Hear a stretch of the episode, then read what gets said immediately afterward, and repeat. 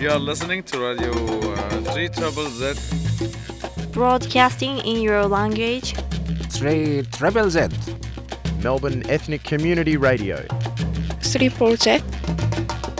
92.3 FM. 3 Triple Z.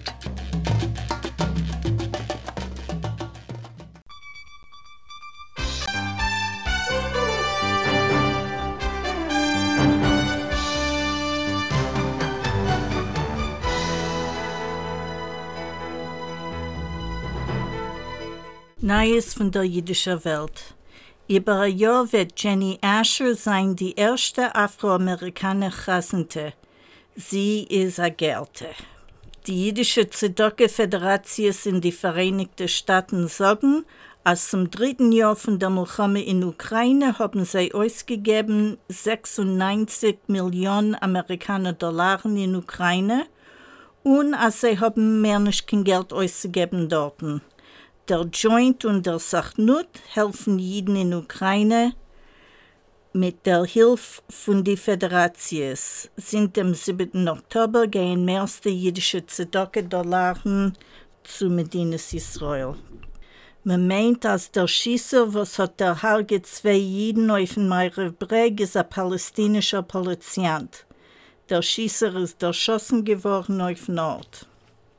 Australien wird nicht reinlassen, den Palästina-Terroristen Land laut der Regierung. Sie hat gewollt reden auf einer Konferenz in Perth. Jüdische Klautours haben getadelt der Proof von dem Islamischen Rat von Victoria zu berechtigen dem Pogrom von dem 7. Oktober. Klassische Konzerten werden gespielt in der Sydneyer Größer Schiel. Shalom's Essenwalk Festival wird vorkommen in Sydney dem 2. März.